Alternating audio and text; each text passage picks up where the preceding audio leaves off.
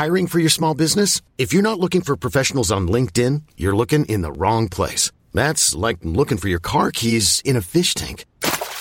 LinkedIn helps you hire professionals you can't find anywhere else, even those who aren't actively searching for a new job but might be open to the perfect role. In a given month, over 70% of LinkedIn users don't even visit other leading job sites. So start looking in the right place. With LinkedIn, you can hire professionals like a professional. Post your free job on linkedin.com slash achieve today.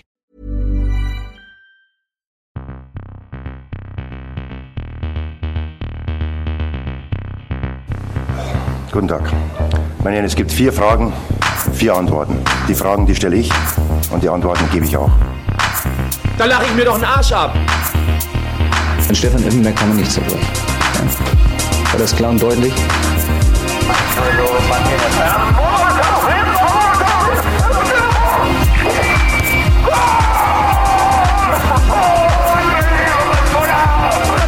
Das ist doch eine Frechheit, was der pfeift. Ich habe fertig.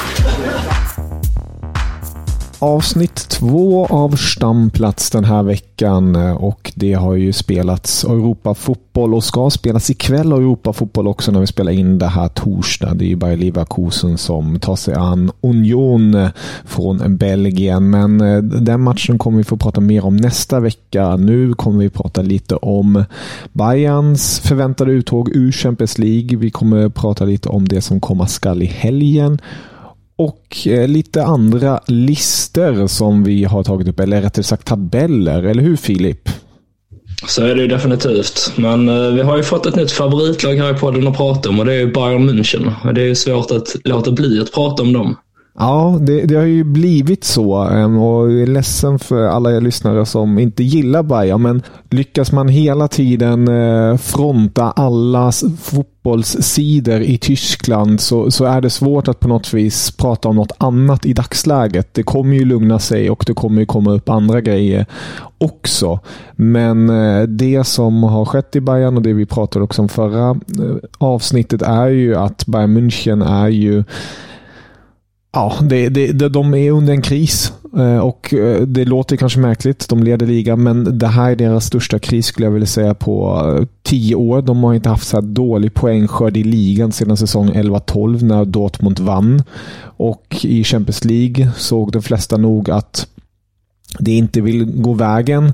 Eh, jag tycker Mourinho sa det väldigt bra i en presskonferens i veckan. Det var någon som sa att ja, det skapar så mycket chanser och sånt. Ja, men fotboll går inte ut på att skapa chanser. Det går ut på att göra mål. Eh, och det har tydligen Bayern München och även det tyska landslaget missförstått eh, helt och hållet. För de, de skapar chanser, men mål gör man inte. Nej, det är man inte så värst vassa på. Men jag tänker som du sa att eh, de som inte gillar Bayern München att de kanske tycker det är jobbigt. Men om det är någon gång de vill höra mycket om Bayern München så måste det ändå vara nu. Annars mals det bara på om hur jäkla fantastiska de är och hur effektiva de är. Men då måste man ju sitta och mysa som anti-Bayern-människa eh, och bara tycka att det är hur skönt som helst. Bra poäng. Väldigt bra poäng. Och Vi kan ju också understryka att fansen, Bayern-fansen är inte särskilt nöjda. De skickade ju upp en banderoll igår när man ställdes mot Manchester City där det stod Ziele dürfen verfehlt werden, Werte des Vereins nicht. Führungspolitik hinterfragen. Och ja, ska man översätta, översätta det på något vis är det typ uppsätt, uppsatta mål kan missas men inte klubbens värderingar. Ifrågasätt klubbledningen. Och Det är ju verkligen mm. det vi varit inne på tidigare. Att, att det har hanterats eh, flera olika saker på väldigt konstiga vis och sätt. Ehm, och ja, Vi behöver inte återupprepa oss gång på gång, men det vi kan konstatera är att de närmaste månaderna kommer vi få se en hel del grejer ske i München spelare kanske kommer gå ut, eh, gå ut eh, säljas rättare sagt. Eh, Kicke var ute igår och skrev att Serge Gnabry är en säljkandidat. Sadio Mané är sedan tidigare en säljkandidat. Vi får se om några andra ansluter till den gruppen och vilka som också kommer in till klubben. Ja, det känns ju som att det bör kunna hända en hel del under sommaren, men samtidigt så det, det är ändå ett sånt pass stabilt lag i grund och botten så det känns som att egentligen borde det inte krävas så många stora förändringar för att få rätsida på saker och ting.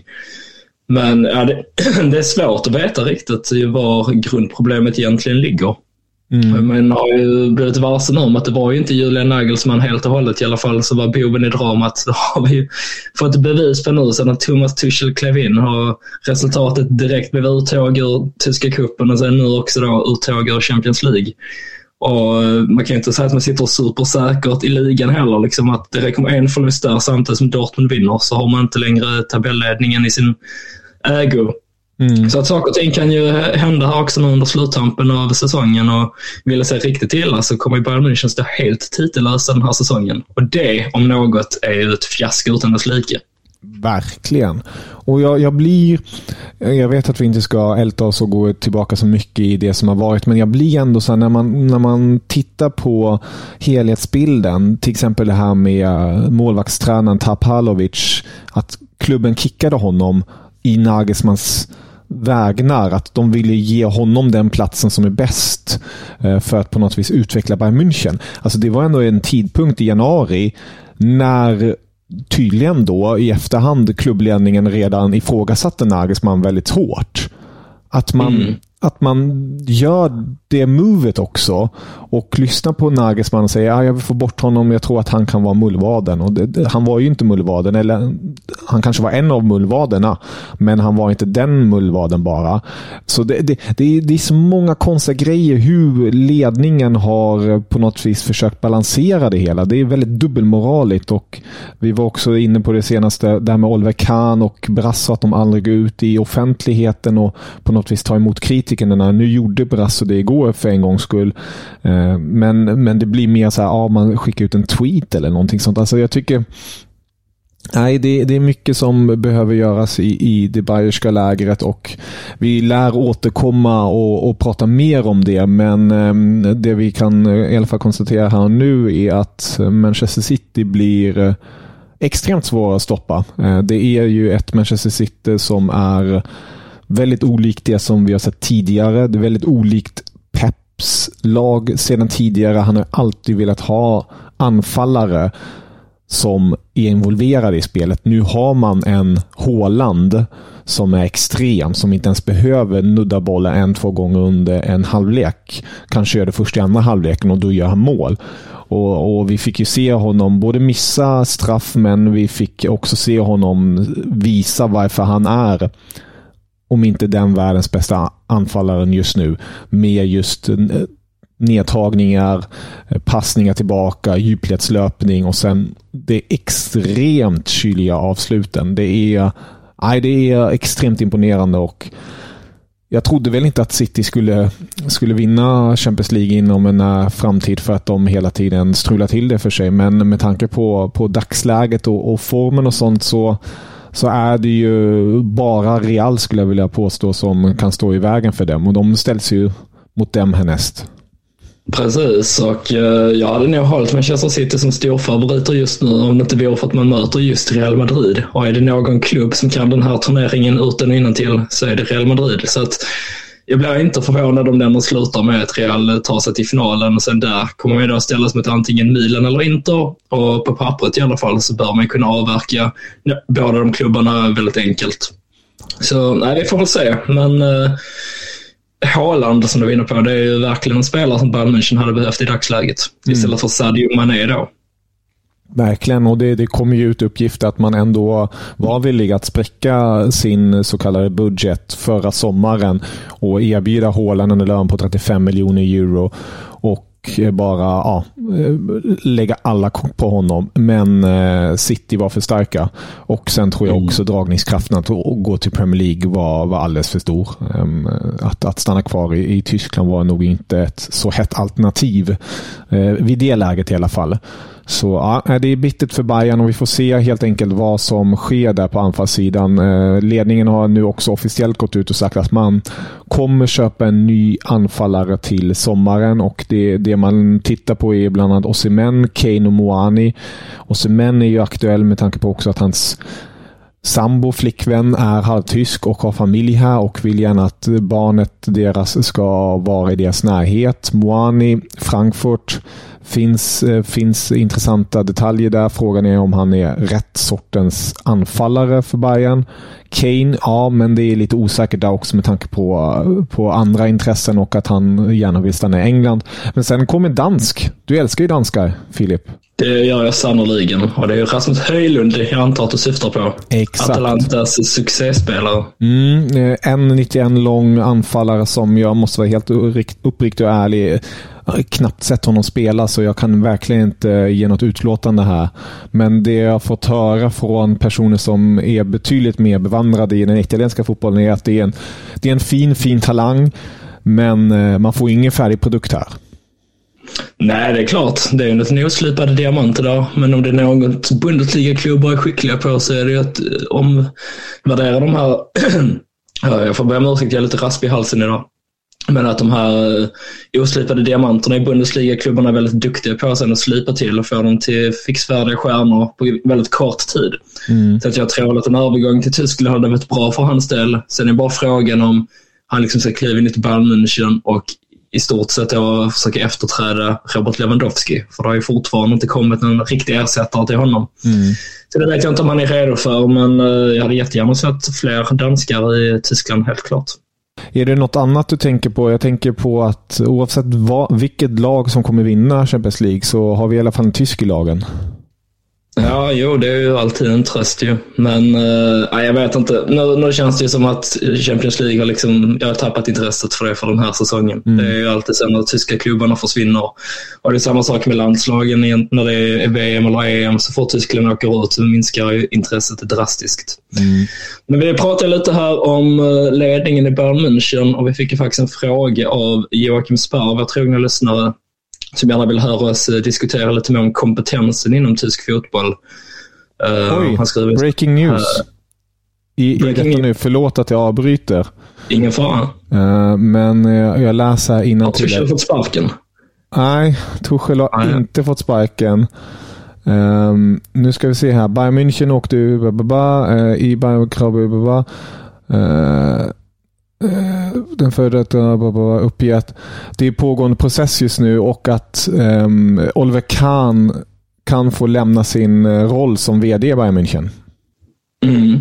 Ja, men det känns ju allt annat än oväntat egentligen efter de senaste veckorna och månaderna. Det har ju varit allt annat än ett stabilt Bayern München här. Och, uh, nu, nu, vet jag inte riktigt hur det ser ut här i, i Bayern München innanför lyckta dörrar. Liksom. Men normalt sett så ska ju huvuden rulla efter en sån här fiaskartad säsong med så många kontroverser och felbeslut. Så att i min värld så är det inte mer än rätt. Men som sagt, jag vet inte hur pass mycket nepotism och annat skit där är inom klubben. Så att jag gillar Oliver Kahn, det vet jag att du också gör. Det är en av mm. dina största favoriter genom alla tider. Stämmer. Men eh, man kan väl inte heller påstå att han har gjort ett superjobb den senaste tiden, så att det kanske inte är mer rätt. Men samtidigt känns det ändå som att mer bör falla på Bratzo egentligen. Att det är han som bör få bära det största hundhuvudet. Men jag vet inte.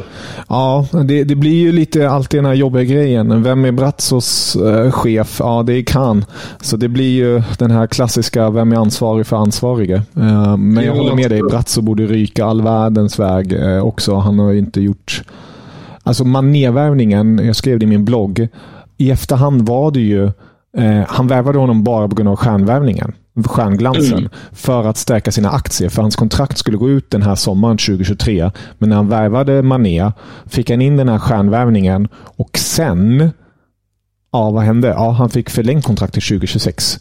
Uh, och, och, resten är historia. Så det, det, det, det, jag tycker att han, hans värvningar har varit bedrövliga många sätt och vis. Sen kan man ju argumentera för att ah, han värvade ju delikt in och han har gjort det bra. Jo, men man hade ju en försvarare i Pavard som ville spela mittback. Uh, så nej, uh, jag, jag, jag, tycker det är pinsamt på många sätt och vis. Men jag, du, du, du hör mig.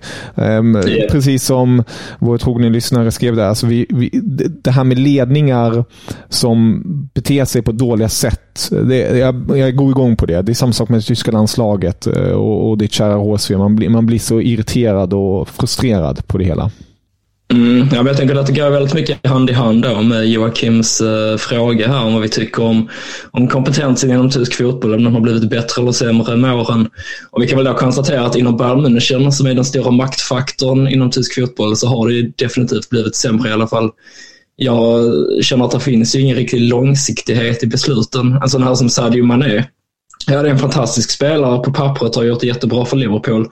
Men liksom sett till ålder och sett till spelartyp och sett till hur Bayern München spelar sig i fotboll så, eh, så har han ingen plats. Och, och nu när man plockar in Thomas Tuchel då, som inte ens har någon, alltså han, har inte, han använder sig inte av en formation där man är för plats överhuvudtaget. Det talar också om att det liksom inte har funnits en plan. För i så fall borde man plocka in en tränare där det finns en garanterad plats för man är om han nu ska vara Bayern Münchens stora stjärna. Alltså, ja, det är en riktig cirkus i den där klubben och det är oroväckande för om det är något lag inom tysk fotboll som ska vara stabilt och en föregångare för alla andra klubbar så är det Bayern München. Men just mm. nu så är det ju mest ett jäkla tivoli där nere.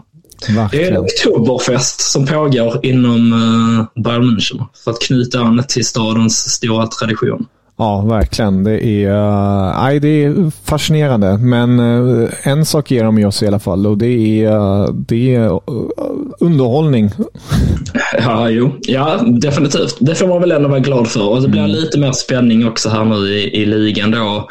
Jag tycker även det är kul i kuppen att inte, jag det känns som det alltid var då Dortmund och Bayern München som, som gick till final eller som möttes de i semifinal och så var det alltid vinnarna av dem som sedan vann cupen. Men nu har vi sett lite andra vinnare där. Så det är ju det är trevligt tycker jag. Mångfalden är faktiskt jäkligt viktig när det kommer till titelstrid och cupmatcherna. Men ja, jag vet inte, alltså, kollar vi på lag som där Freiburg Union Berlin så får man väl ändå säga att där har ju ledningen gjort ett superjobb de senaste åren och det har ju verkligen burit frukt. Det är ju mm. extremfall kan man säga, men det är två väldigt välskötta klubbar just nu Frankfurt kan jag också tycka har gjort det väldigt bra. Det var ju ja, nästan tio år sedan man fick uh, kämpa för överlevnad i mm. Bundesliga. Där man precis klarade sig kvar. Och sen har det liksom saker och ting bara gått framåt för deras del. Och fast man har tappat viktiga spelare, viktiga tränare, viktiga eh, sportsliga eh, figurer i styrelsen så har man ändå lyckats plocka in nya människor som har gjort eh, ett gediget arbete.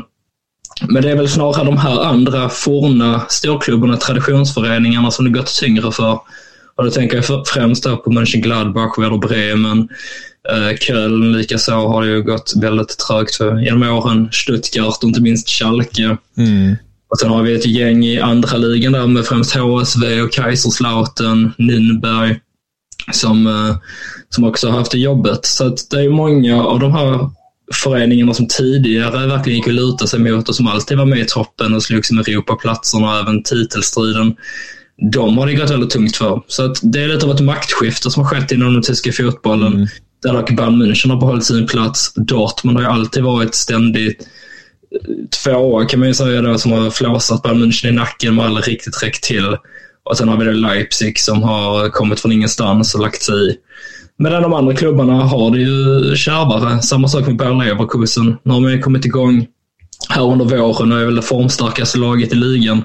Men eh, hösten och vintern var ju allt annat än en fröjd för deras del. Så att det är väldigt mycket turbulens om man ska sammanfatta läget inom den tyska fotbollen. Och det är svårt att på uppstuds och gå igenom om man tycker att klubbarna har skött sig internt mm. på styrelsenivå. Men eh, men jag känner att det är väldigt många klubbar som har det kämpigt just nu. Och det blir intressanta fem år vi har framför oss och se liksom vad som kommer hända med utvecklingen. Om det är, det är klubbar som Union och Freiburg som kommer att behålla sin nuvarande position där som eh, toppklubbar och istället se lag som kanske då Gladbach och Köln och Werder Bremen eh, hoppa upp och ner mellan ligasystemet. Men ja, jag vet inte vad du säger. Nu höll jag en väldigt lång harang här, men det var kul att höra dig, eh, vad du tycker också. Ja, jag, jag tycker du satt spiken väldigt bra på många av de här så kallade klubbkistorna. Och eh, det är någonting jag tycker vi bör eh, ta upp lite mer djupgående i, längre fram i ett avsnitt där vi kan gå lite mer i detalj i de olika sammanhangen. Ehm, men eh, det som man redan nu bara kan konstatera, precis som du är inne på, det är många stora klubbar som har det tufft och jag tror det, det är en det är en kombination av eh, världsläget med efter pandemin. Det hjälpte inte rent ekonomiskt, men även rent, rent sportsligt och konsumentmässigt med Premier League och de andra ligorna. Att man på något vis eh, har haft fel personer vid fel platser som har tagit fel beslut. Det, låter ju som en väldigt enkel förklaring, men det, det ligger ju mycket i det att man inte har haft eh, på något vis erfarenheten och tiden på sin sida att man spenderar rätt pengar. Alltså det är ju så tydligt när till exempel en klubb väl öppnar plånboken, som vanligtvis inte öppnar plånboken, lägger det på en, två spelare och sen lyfter det inte hur ekonomiskt stor smäll det är. Mm. Och, och, och, Det är väl mycket sånt just nu. Man blir pressad av att han, agera snabbt för att man ser andra klubbar göra det. Och då Gör man saker snabbt, då kommer fel. Och det blir lavinartad eh, fel eh, struktur på det hela, om man nu ska kalla det så. Ehm, för, för många klubbar som just HSV till exempel och, och Schalke också och Hertha Berlin. Så nej, eh, det, det, det bör vi kika närmare på tycker jag. Ja, definitivt. Jag kan bara flika in där också att Dortmund är en sån klubb egentligen också. Jag menar då, det är väl fem år sedan nu man skulle storsatsa och man verkligen utmana Bayern München. Och man nästan förklarade krig mot dem när man värvade in Torgan Hazard, Julian Brandt och Nico Scholz och ett gäng andra spelare liksom, som var de framträdande i andra toppkonkurrenter. Eh, uh, och det kändes som att nu jäklar ska man uh, mäta sig med Bayern München. Men så sl slutar det ändå med flopp och ingen av spelarna presterar. Det är först nu Julian Brandt har visat framfötterna. Torgan Hazard, eh, ja, han har ju varit fram och tillbaka men just nu är han på lån hos PSV där han sitter på bänken också. Och Nico Schultz, han har ju varit en flopp utan dess like. Han har gått från landslagsspelare till att nu vill de inte ens ta i honom med tång känns det som. Mm. Så att det är väl alla de här klubbarna har gjort eh, felvärvningar och nu börjar väl även Bayern München också komma dit. Som annars oftast i alla fall känns som att de har träffat rätt. Och när de inte har gjort det så har det ändå inte varit en så stor smäll. För när det handlat om spelare man kanske har plockat in på free transfer eller talanger som man har värvat från billig peng som man sedan har kunnat släppa utan att det har rört klubben i ryggen. Men en spelare som Sadio Mané, det har ju typ nästan aldrig hänt förut att man har lagt ut den typen av pengar på en sån spelare och sen har det inte burit frukt. Så mm. det är ju nya tider här nu. Ja, verkligen. Jag tycker Hernandez är också ett exempel. Han har ju dock börjat leverera det senaste året, men de första säsongerna. Att lägga 80 miljoner och ja, han var ju lite knackig helt enkelt. Han blev ju stämplad som en flopp första säsongen. Exakt. Det var ju, alla trodde han skulle lämna eh, efter första säsongen. Sen blev han kvar och sen har det blivit bättre. Och det har jag varit inne på också tidigare, att man får ha lite tålamod med spelare som kommer utifrån och även yngre förmåga, att det kan ta tid att anpassa sig. Och just tålamod, det är kanske det det också saknas väldigt mycket i den moderna fotbollen. Liksom att alla förväntar sig succé direkt och blir det inte succé så är det någon som måste straffas för det. Och det blir det antingen ledningen eller så blir det tränaren. Men ja, jag bara tänker att om... Kolla på Julian Brandt till exempel. Jag kan inte tycka att man ska vänta tre, fyra år på att en spelare av hans kaliber ska leverera. Men nu äntligen har det gått bra för honom och nu valde han då att förlänga istället för att gå till Tottenham eller Arsenal eller de här klubbarna som visade intresse och kanske kan bli den spelaren det förväntar, att han förväntades bli från första mm. början. Uh, så det vill jag gärna se lite mer i den tyska fotbollen. Långsiktighet och mer tålamod och tro på den egna grejen. Jag menar, tysk fotboll har ju verkligen varit framstående med det här. Kunna plocka in spelare utomlands eller talanger från egna leden eller andra klubbar och sen låta dem få chansen och visa upp sig och sen har de levererat omgående och blivit stjärnor. Och det ska man fortsätta med. Mm. Och det krävs ju att man har mod och att man har tålamod. Och det är väl de två faktorerna jag tycker att det har börjat ruckas lite på i, i, hos de flesta klubbarna. Och det kan bli kostsamt i det långa loppet. Verkligen. Det har du fullständigt rätt i. Men vi, vi bör dyka ner i det lite mera framöver också. Nie im Leben. Von Stefan Effenberg kann man nicht zerbrechen. Ja? War das klar und deutlich? I'm Sandra, and I'm just the professional your small business was looking for. But you didn't hire me because you didn't use LinkedIn jobs. LinkedIn has professionals you can't find anywhere else, including those who aren't actively looking for a new job but might be open to the perfect role, like me. In a given month, over 70% of LinkedIn users don't visit other leading job sites. So if you're not looking on LinkedIn, you'll miss out on great candidates like Sandra. Start hiring professionals like a professional. Post your free job on linkedin.com/achieve today. Millions of people have lost weight with personalized plans from Noom, like Evan, who can't stand salads and still lost 50 pounds. Salads, generally, for most people, are the easy button, right? For me, that wasn't an option. I never really was a salad guy. That's just not who I am. But Noom worked for me. Get your personalized plan today at Noom.com. Real Noom user compensated to provide their story. In four weeks, the typical Noom user can expect to lose one to two pounds per week. Individual results may vary. Vi eh, pratade om tabeller förra avsnittet.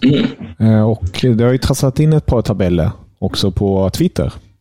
Ja, men då har jag gjort det. Vi har haft några lyssnare här som har velat dela med sig och för min egen del så har jag glädjer mig att samtliga har haft med HSV och samtliga har haft med 1860 München. Eh, Det är ju tre klubbar som jag verkligen tycker hör hemma i, eh, i eh, Bundesliga. Då. Så det är glädjande. Eh, Även Saarbrücken, lite överraskande, har varit populärt att ha med. Det är en klubb jag själv hade med på min lista, men jag köper ändå det sett till det geografiska läget. De har ju väl från ett eget Bundesland om jag inte är helt fel ute. Mm. Så att man vill gärna ha någon klubb från varje Bundesland egentligen i alla fall. Mm. eh, som representerar då eh, Bundeslandet. Men, nej, men det är kul att se. Det, ni får gärna fortsätta skicka in tabeller så kan vi diskutera saken vidare på Twitter. Ju. Eh, vi har även Erik Raun Fischer som listade den tröttaste typ Bundesliga-klubbarna man inte vill ha där. Och det är, den består av Wolfsburg, Leipzig, Hoffenheim, Bayer Leverkusen, Augsburg, Paderborn, Mainz, Greuther Fürth och Ingolstadt. Och eh, ja, det är väl bara till att stämma in egentligen. Augsburg är en fin stad, men de är ju väldigt små. Men man unnar dem framgång. De kanske inte riktigt uh, bär upp Bundesliga-kostymen helt och hållet jämfört med de andra klubbarna. Och sen även Mainz tycker jag är en trevlig klubb egentligen. Men det är också lite så här kusinen från landet till Frankfurt. De gör det bra, men uh, och vi älskar ju Bo Svensson såklart. Men kanske inte givna helt. Men du har inte listat dina. Har du några klubbar som inte har varit med på listan? Eller rättare sagt kanske de du tycker är viktigast att ha med i eh, Bundesliga? Och finns det någon av dem vi har nämnt eh, som jag hade med på min lista till exempel som du inte tycker platsar? Viktigaste, den, den var lurig.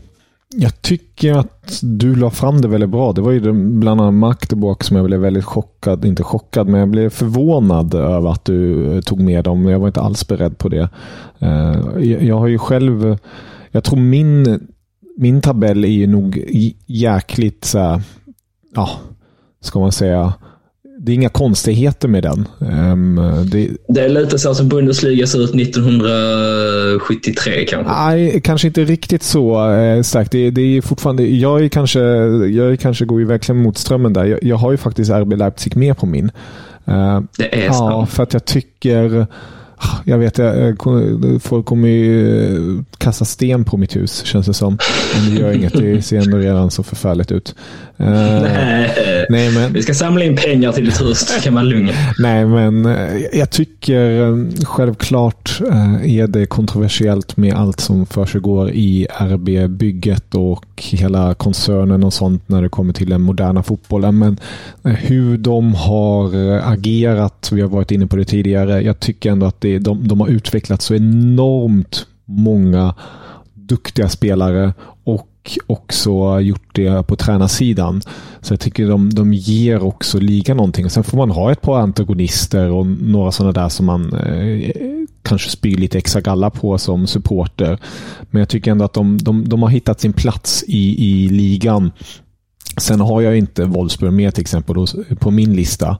Eh, för att jag, nej, eh, det, där, där känner jag bara, nej, där har jag ingen större jag tycker inte de tillför den grejen i, i, i Bundesliga på det sättet. Det är bättre att de håller sig till tillverka Volkswagen. Exakt, exakt så. Ehm, så. Men annars är det ju så här klubbar som Kaiserslautern, jag med 1860 München skulle jag jättegärna vilja ha med. Älskvärt. Eh, Hansa Rostock eh, tycker jag också ska, ska vara i, i Bundesliga. Eh, Nürnberg är också en sån klubb. Självklart ditt kära HSV. Ehm, så, så det är inga, inga konstigheter. Jag, Hertha har jag kvar. Union självfallet är givna nu för tiden. Stuttgart, Freiburg. Så du hör, det är, det är inga större konstigheter. Så här, Karlsruhe skulle också vara trevligt men det är svårt att få in dem med alla andra. Så det ja, um, men det är Dynamo Dresden är också eh, lite kul, mm, som vi var inne på tidigare, att det, det är roligt när man får en fördelning. Eh, att det inte bara är västlag, eh, också lite mer östlag med. Eh, jag tror det är bra för, för fotbollen i stort i, i Tyskland att det är så. Så nej, det, det är kul med tabeller. Skicka gärna in och skicka gärna in förslag på Twitter om det är några så här, ja, ämnen ni tycker vi ska diskutera eller listor vi ska lista eller ja, vad, vad som helst helt enkelt. Det är väldigt välkommet. Jag har en fråga mm. till dig innan vi lämnar tabellsnacket. Mm. Och det är, tar Bayer Leverkusen plats på den? Det var en, eh, en klubb som, eh, helt uppriktigt, nu när jag tittar på min tabell är de inte med. Nej. Ehm, men eh, det är ändå en klubb som snuddar där. För att jag, jag gillar personligen dem mer än än Hoffenheim eller Wolfsburg. Eller så, mm. För att jag tycker att de har likt Leipzig, eh, dock betydligt längre period, eh, producerat och eh, lyft talanger. Ja, vi har ju en, en Kai Havertz och Florian Wirtz. Ja, de har ju andra här komster också, men det, det, finns någonting där vart de har verkligen format och gett dem utrymme. Samma sak med Julian Brandt eh, har vi där finns ju deras moderklubbar från annat håll, men ja, du fattar vad jag menar. Det, det, finns ändå någonting mera där, tycker jag. Absolut. Jag tycker också de har mer hemma i Bundesliga än många andra av de här klubbarna. Det som får mig kanske mest att peta dem, förutom då att de eh, egentligen då i grund och botten frånsätter sig 51 regeln som jag värnar om, det är ju att det finns så många andra klubbar i det här geografiska området. Så det känns som att vill man ha lite mer spridning inom Tyskland så är det en klubb man bortser då ifrån och istället tar med mm. Gladbach, Köln, Eh, de tre klubbarna kommer i, i princip ifrån samma stad nästan kan man säga. Det är så jäkla mm. tätt emellan. Så att jag tycker att Leverkusen kan man ju bortse ifrån istället och se fram emot de heta derbyna mellan Köln och Mönchengladbach. Mm. Men om vi går bort från de här tabellerna och blickar bara lite kort på det som komma skall i, i ligaspelet i Bundesliga har vi ju ett Dortmund som tar emot Eintracht Frankfurt. Det är ju helgens största match eh, i, i Bundesliga minst sagt med tanke på tabelläget. Frankfurt som är där uppe och slåss om Champions League. Dortmund som vill jaga Bayern München. Vi har också Leverkusen som slåss mot Leipzig. Ett Leverkusen likt där som vill ta en serieplats och Leipzig som vill också knipa en av de fyra högsta placerade platserna. Eh, och sen ser jag också här nu, jag glömde helt bort Gladbach möter Union. Alltså det, det, det, är ändå en hel del härliga matcher så, men den stora matchen är ju självfallet Dortmund mot Frankfurt. Det får man säga. Sen tycker jag det ska bli intressant att se hur Bayern München svarar på eh, de senaste tidernas fiaskoartade matcher här när man ställs borta mot Bo Svenssons Mainz. Och det är ett Mainz som har en tendens till att kunna överraska och som faktiskt är åtta mm. i tabellen och har häng på Europaplatserna. Så att jag blir inte jätteförvånad faktiskt om vi får se en skräll där. Vi ska komma ihåg att Bayern München kryssar ju bara senast mot Hoffenheim då, som ett bottenlag. Så att eh, just nu känns det som att nästan alla klubbar kan rå på Bayern München. Bara, bara att man har en bra dag och Bayern München har en sämre, vilket de ju ofta har. Mm.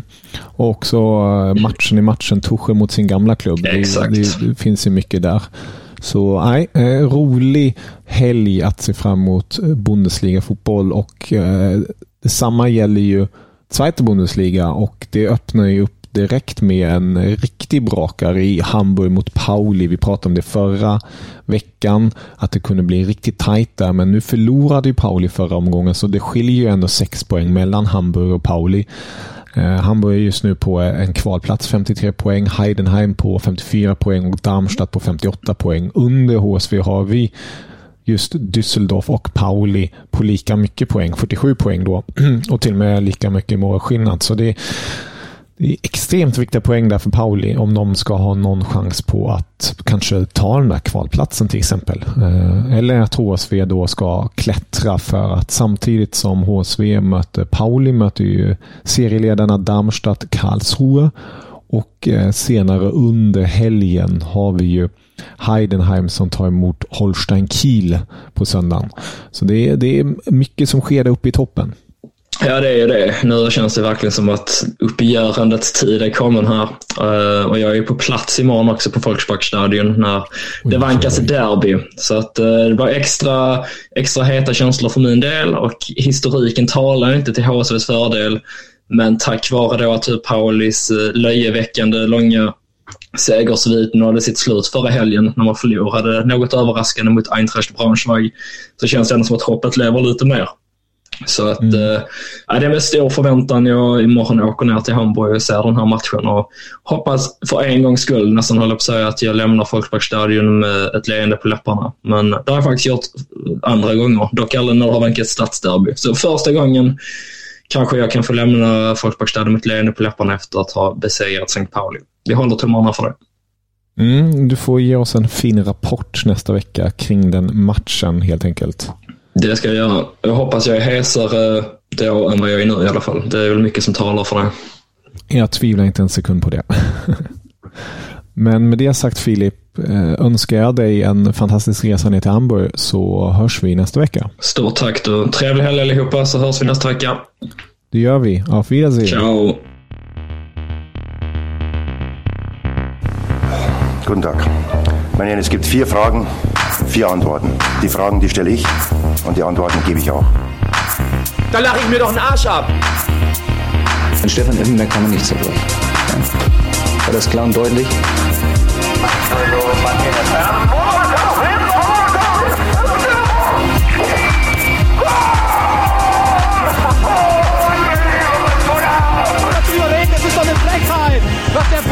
Ich glaube, ich fertig.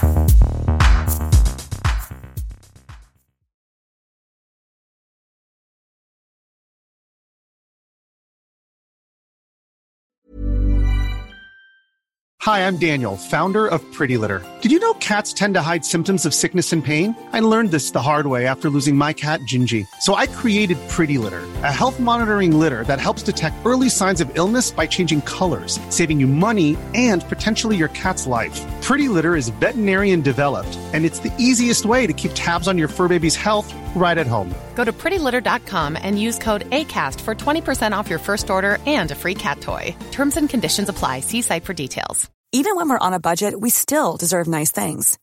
Quince is a place to scoop up stunning high end goods for 50 to 80% less than similar brands.